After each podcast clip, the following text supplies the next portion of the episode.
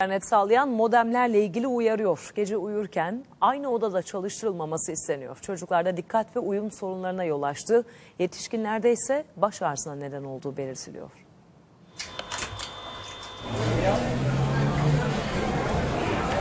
Evin hangi odasında bulunuyor modem efendim? Salonda bulunuyor. E, Evin neresinde kullanıyorsunuz? Salona. Gece kapatıyor musunuz?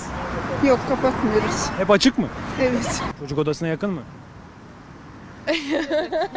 Evet yakın. Wi-Fi'nin iyi çekmemesi bizim sağlığımız açısından daha iyi bir şey.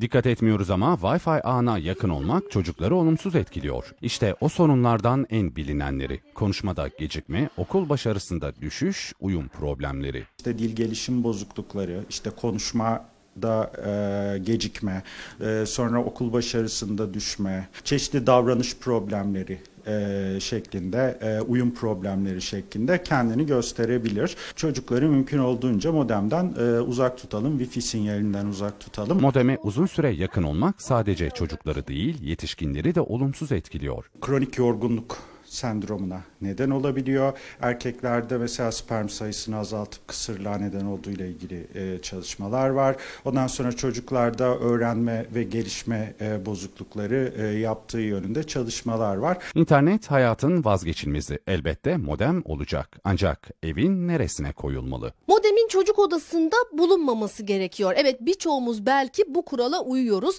ve çocuk odalarına modem koymuyoruz. Ancak bitişik odada bulunması bile modemin çocuk için sakıncalar yaratmasına neden oluyor. Bu durumda modem gibi internet sağlayıcılarını özellikle çocukların bulunduğu, çocukların uyuduğu odaların en uzak köşelerine yani evdeki en uzak köşeye koymamız gerekiyor. Ve önemli bir dipnot daha.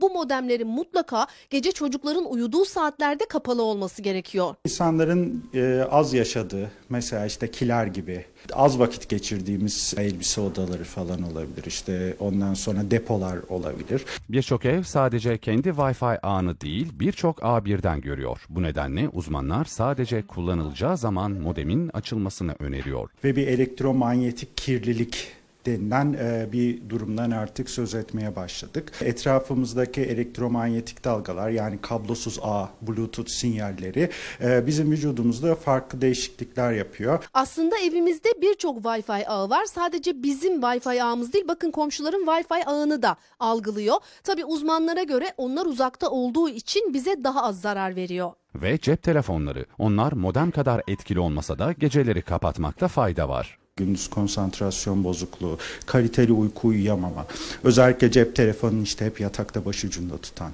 insanlar. Böyle insan e, böyle hastalarımız olduğu zaman bizim tavsiyemiz hani cep telefonuyla yatmayın kesinlikle. Gece olduğunda ne yapıyoruz? Telefonu kapatıyoruz.